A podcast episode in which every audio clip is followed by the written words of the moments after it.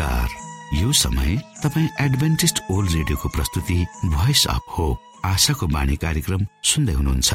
कार्यक्रम प्रस्तुता म रवि यो समय तपाईँको साथमा छु।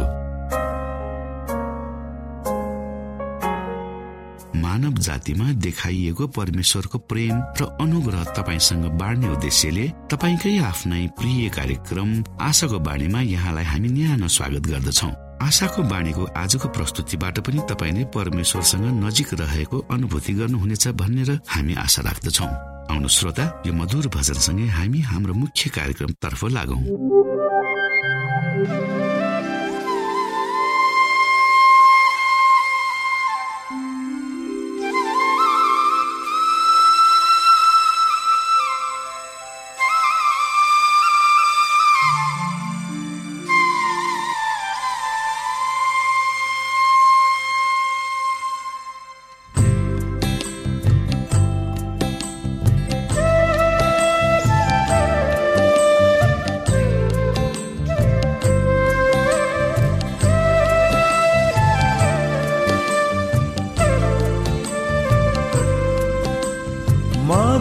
स्वरले ख्रिसले तिमीलाई बोलाउँदैछन्।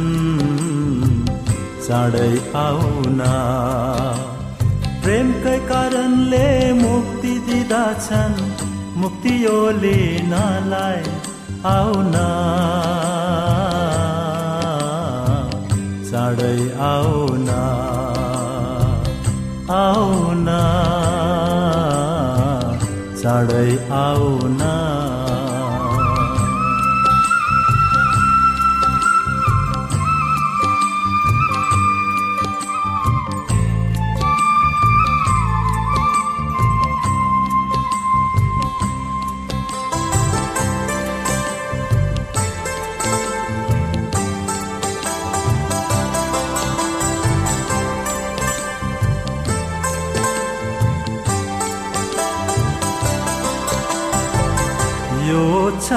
जीवनले निसिन कहिले नबासौ है।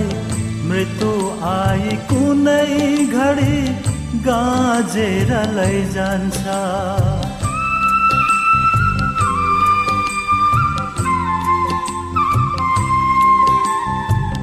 यो क्षणिक जीवनले निसिन कहिले नबासौ है। मृत्यु आई कुनै घडी गाजेर लैजान्छ मित्र तिमी कहाँ हुन्छौ? तिम्रो आत्मालाई परमेश्वरले न्याय गर्दा। पश्चाताप गरी मुक्ति ल्याउ मित्र आजा। अनन्त राज्यको भागीदार बनिहाला नत्र भने तिम्रो जीवन शून्यतामा बिति जान्छ। नत्र भने तिम्रो जीवन शून्यतामा बिति जान्छ। मधुर स्वरले ख्रिसले तिमीलाई बोलाउँदैछन्।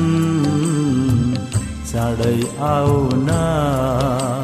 प्रेमकै कारणले मुक्ति दिँदछन्।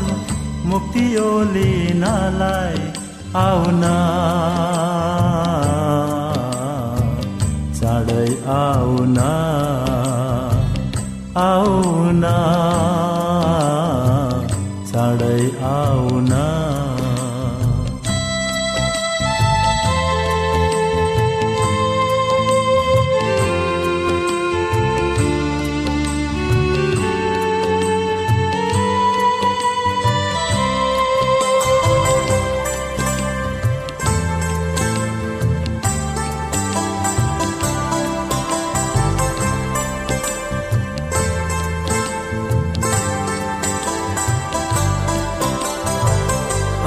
अनन्त यो मुक्ति मित्र अति नै बहुमूल्य छ। कारण ख्रिसले यसका निम्ति दाम तिरिदिएका छन्।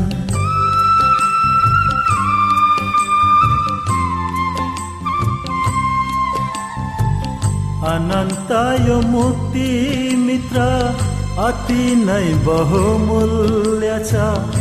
कारण ख्रिसले यसका निम्ति दाम तिरिदिएका छन्। यही मुक्ति बाँड्नलाई ख्रिसले सधैँ तिम्रो बाटो हेरिरहेका छन्। बित्दैछ समय पल पल गर्दै मित्र। स्वागत गर्दछन् ती डरलाग्दा दिनहरूले। प्रिय मित्र अपार सुखलाई दुई हात फैलाए आजै अपनाऊ। प्रिय मित्र अपार सुखलाई दुई हात फैलाए आजै अपनाऊ। मधुरो स्वरले ख्रिसले तिमीलाई बोलाउँदैछन्।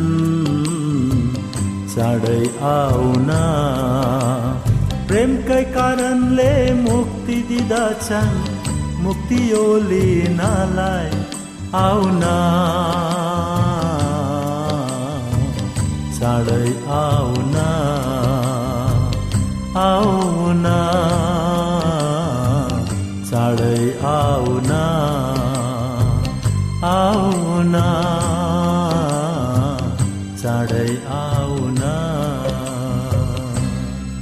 यो समय तपाईँ एडभेन्टिस्ट ओल्ड रेडियोको प्रस्तुति भोइस अफ होप आशाको बाणी कार्यक्रम सुन्दै हुनुहुन्छ।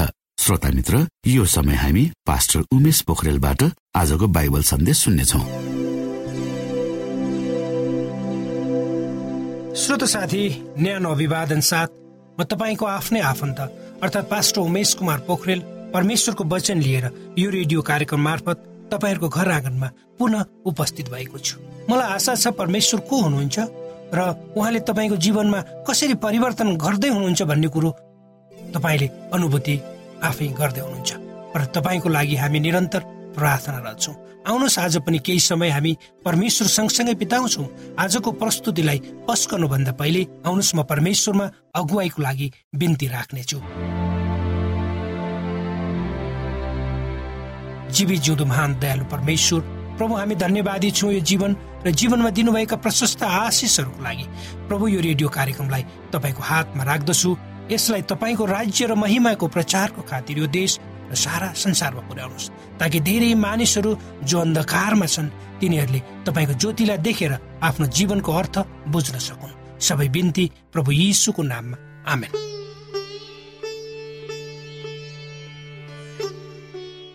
श्रोत साथी आजको प्रस्तुतिमा म प्रभु यीशु क्रिस्टको शिक्षालाई लिएर तपाईँहरूको बिचमा उपस्थित भएको छु। जब प्रभु यीशु क्रिस्ट यो संसारमा हुनुहुन्थ्यो उहाँले आफ्नो सेवाकाईको क्रममा विभिन्न ठाउँहरूमा गएर मानिसहरूलाई शिक्षा दिनुभयो। धेरै मानिसहरू जो आत्मिक रूपमा अन्धा थिए ती मानिसहरूको आत्मिकी आँखा उहाँले खोलिदिनु भयो धेरै मानिसहरू शारीरिक रूपमा लुला लङ्गडा थिए तिनीहरूलाई उहाँले चङ्गाई प्रदान गर्नु त्यसै गरेर क्रिस्टले आफ्ना शिक्षामा करुणामय निमन्त्रणालाई इन्साफको चेतावनीसित जोड्नु भएको पनि हामी पाउँछौँ।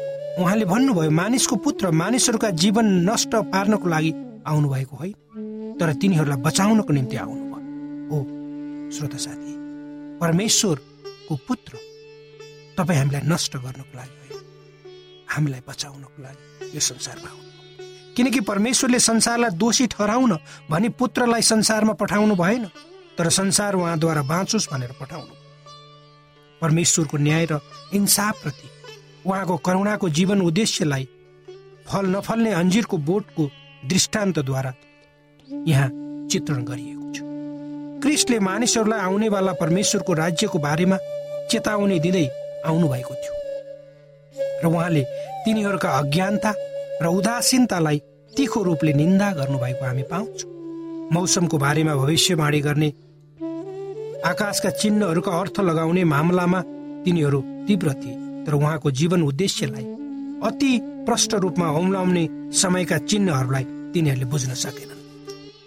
अर्थात् त्यति बेलाका मानिसहरूले बुझ्न सके त्यस समयमा जस्तै अहिले पनि मानिसहरू केवल आफू मात्र स्वरको प्रिय पात्र भएको रूपमा तथा सुधारको सन्देश केवल अन्य मानिसहरूको निम्ति मात्र भएको रूपमा निष्कर्ष निकाल्न तयार भएका छन्। यहुदियाका शासक पन्तियस पिलातसका केही नियमहरूले मानिसहरूलाई अप्रसन्न तुल्याएको थियो त्यति बेला।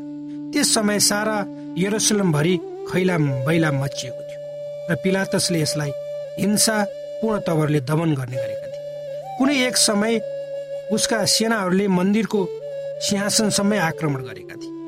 र बलि चढाउँदै गरेका गालिली तीर्थयात्रीहरूको हत्या पनि गरेका थिए। यौदीहरूले पीडा भोग्ने व्यक्तिको पापकै कारण उसको जीवनमा विपत्ति आइपर्नेछ भन्ने धारणा राख्दथे। यस हिंसाको बारेमा बताउने मानिसहरूले गुप्त सन्तुष्टिका साथ त्यसरी बताउँथे। तिनीहरूले आफ्नो दृष्टिकोण मुताबिक आफ्ना भाग्य गालिलीहरूभन्दा धेरै असल भएको कारण स्वयं आफैलाई परमेश्वरदेखि अझ बढी मात्रामा निगाह प्राप्त जनहरूको रूपमा ठान्दथे। तिनीहरूले ती मानिसहरूप्रति क्रिसदेखि निन्दाका वचनहरू सुन्ने आशा राखेका थिए जो तिनीहरूका दृष्टिकोणमा निसन्देह तिनीहरूबाट दण्ड पाउने योग्यका थिए। क्रिसका चेलाहरूले आफ्ना गुरुको राय नसुनेसम्म आफ्ना विचार व्यक्त गर्ने साहस नगरेनन्। उहाँले तिनीहरूलाई अन्य मानिसहरूका चरित्रमाथि फैसला गर्ने र तिनीहरूका सीमित बुद्धिद्वारा प्रतिकार मापन गर्ने विषयमा तीको शिक्षा दिनुभएको थियो। तैपनि तिनीहरूले ती मानिसहरू अन्य सबै मानिसहरूभन्दा बढी पापी हुन् भनी क्रिसले निन्दा गर्नुभएको देख्न चाहन्थे। उहाँको जवाबप्रति तिनीहरूले ठुलो आश्चर्य प्रकट गरे। भिडतर्फ फर्कँदै मुक्तिदाताले भन्नुभयो क्रिस्टले भन्नुभयो तिनीहरूले यसरी कष्ट भोगे भन्दैमा के तिमीहरू ठान्दछौ? यी गालिलीहरू अरू सबै गालिलीहरू भन्दा बढी पापी थिए? म तिमीहरूलाई भन्दछु त्यसो होइन तर तिमीहरूले प्रस्ताव गरेनौ भने तिमीहरू सबै त्यसरी नै नाश हुनेछौ। यी झस्काउने विपत्तिहरू तिनीहरूका हृदय नम्र तुल्याउन र तिनीहरूलाई आफ्ना पापदेखि प्रायश्चित गराउनको निम्ति रचिएका थिए। बदलाको हुरी मडारिँदै थियो जुन क्रिस्टमाथि शरण नपाएका सबै मानिसहरूमाथि छिट्टै खनिनेवाला थियो।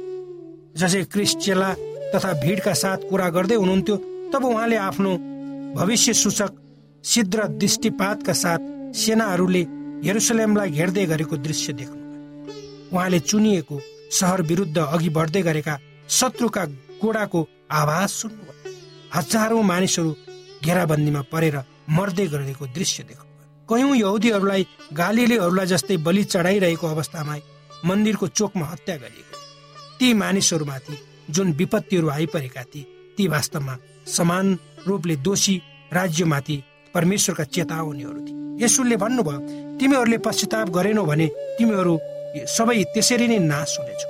छोटो अवधिको लागि तिनीहरूमाथि परीक्षण कालको दिन थामिन पुगेको थियो। आफ्नो शान्तिको निम्ति आवश्यक पर्ने कुराहरूका बारेमा चाल पाउनको निम्ति तिनीहरूसँग अझ समय बाँकी थियो। उहाँले भन्नुभयो कुनै मानिसले आफ्नो दाखबारीमा एउटा अन्जिरको बोट रोपेको थियो। त्यस बोटबाट फल फल्यो भनेर त्यो आयो तर त्यसले मालीलाई भन्यो तिन वर्ष भयो तब त्यसले मालीलाई भन्यो तिन वर्ष भयो म अन्जिरको रुखमा फल खोज्दैछु तर पाउँदिन। यसलाई काटेर ढालिदिए। यसले जमिन किन हो? क्रिसका श्रोताहरूले उहाँको वचनको गलत अर्थ लगाएनन्।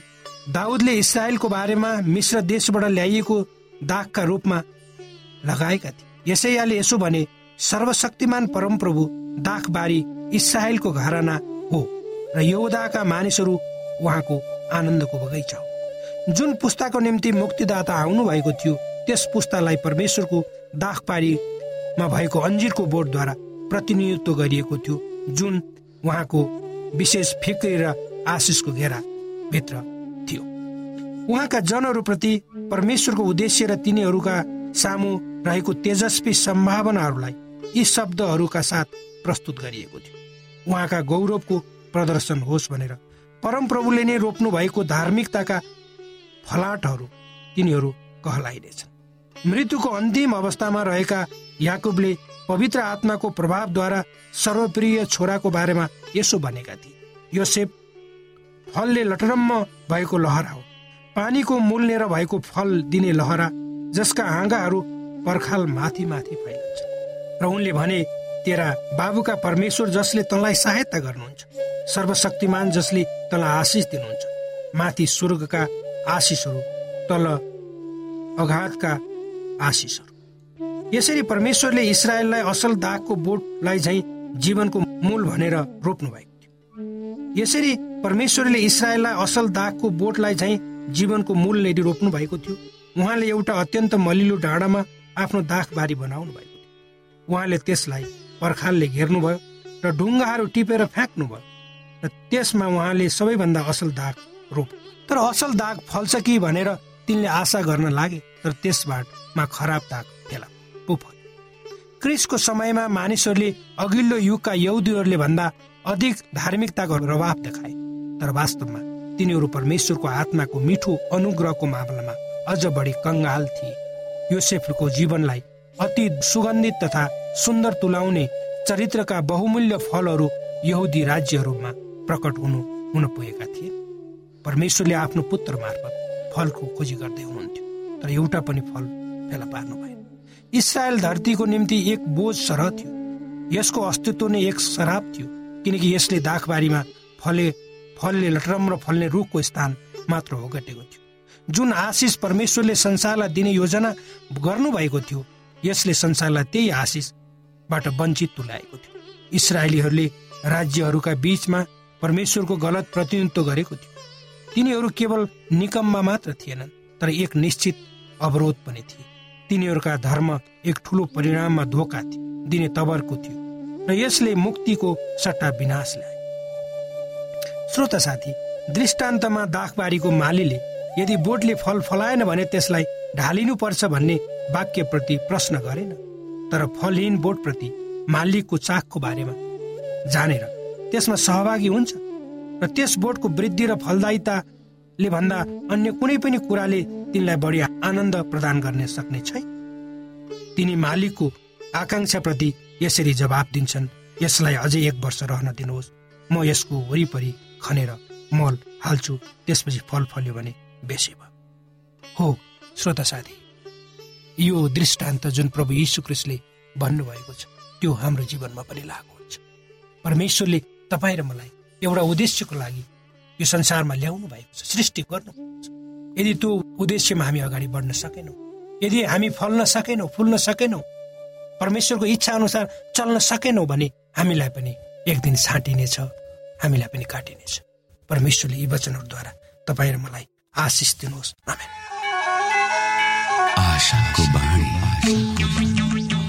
श्रोता भर्खरै यहाँले पास्टर उमेश पोखरेलबाट बाइबल वचन सुन्नुभयो।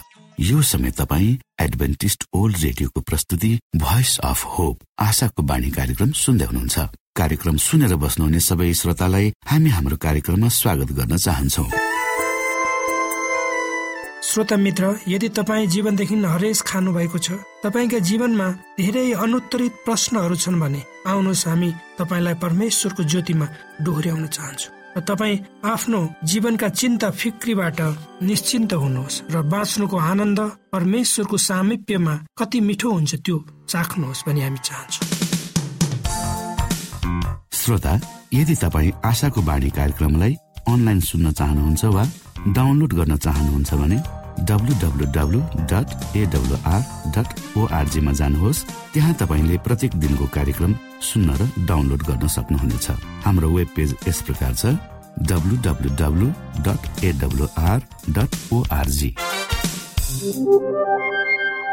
श्रोता यदि तपाईँ हामीसित सिधै फोनमा सम्पर्क गर्न चाहनुहुन्छ भने हाम्रा नम्बरहरू यस प्रकार छन्।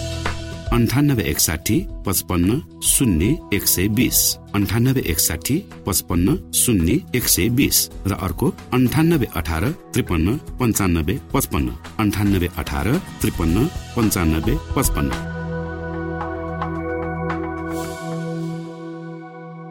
श्रोत साथी न्यानो अभिवादन। म तपाईँहरूको बिचमा आज हाम्रो मुटु भन्ने एउटा शीर्षक लिएर उपस्थित भएको छु।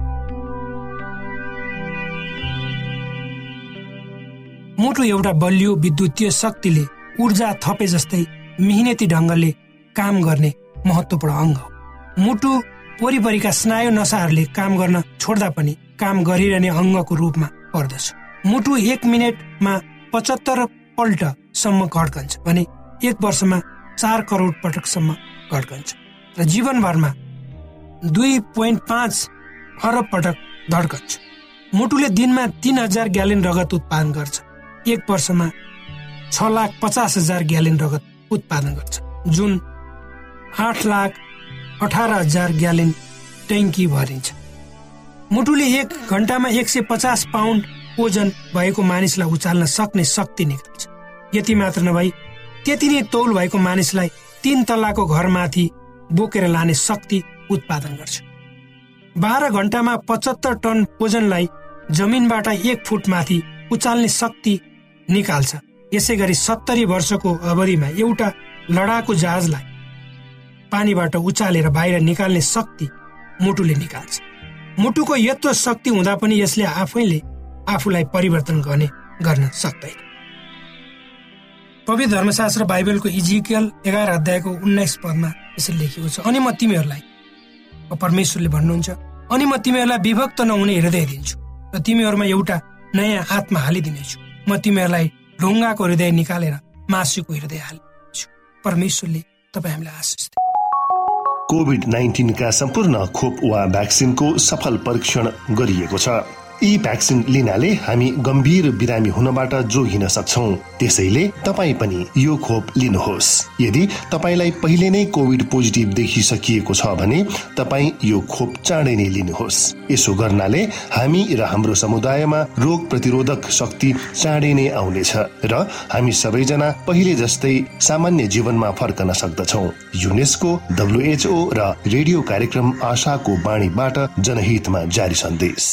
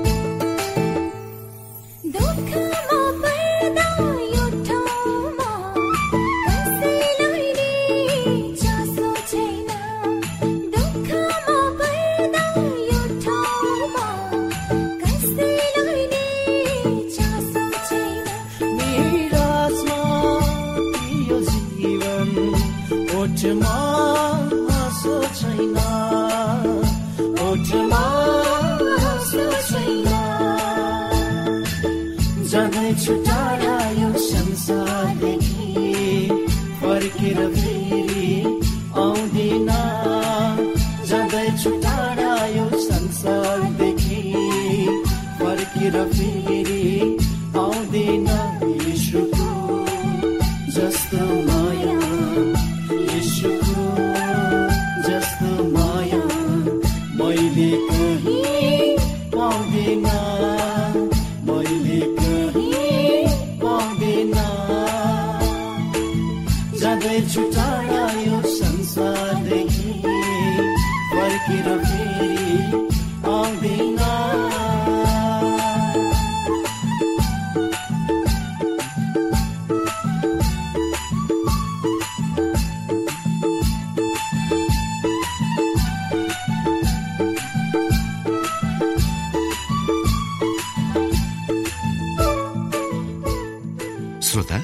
घडीको सुईले समय सकिन लागेको संकेत गरिसकेको छ।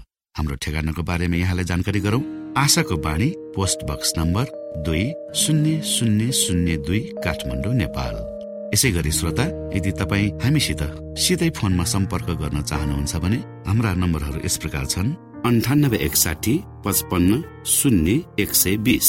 अन्ठानब्बे एकसाठी पचपन्न शून्य एक सय बिस र अर्को अन्ठानब्बे अठार त्रिपन्न पन्चानब्बे पचपन्न अन्ठानब्बे अठार त्रिपन्न पन्चानब्बे पचपन्न हवस् त श्रोता हाम्रो कार्यक्रम सुनिदिनु भएकोमा एकचोटि फेरि यहाँलाई धन्यवाद दिँदै भोलि फेरि यही स्टेशन र यही समयमा भेट्ने बाजा गर्दै प्राविधिक साथी राजेश उमेश पोखरेल र कार्यक्रम प्रस्तुता म रवि यहाँसँग विदा माग्दछौ। परमेश्वरले तपाईँलाई धेरै धेरै आशिष दिनु भएको होस्। नमस्कार।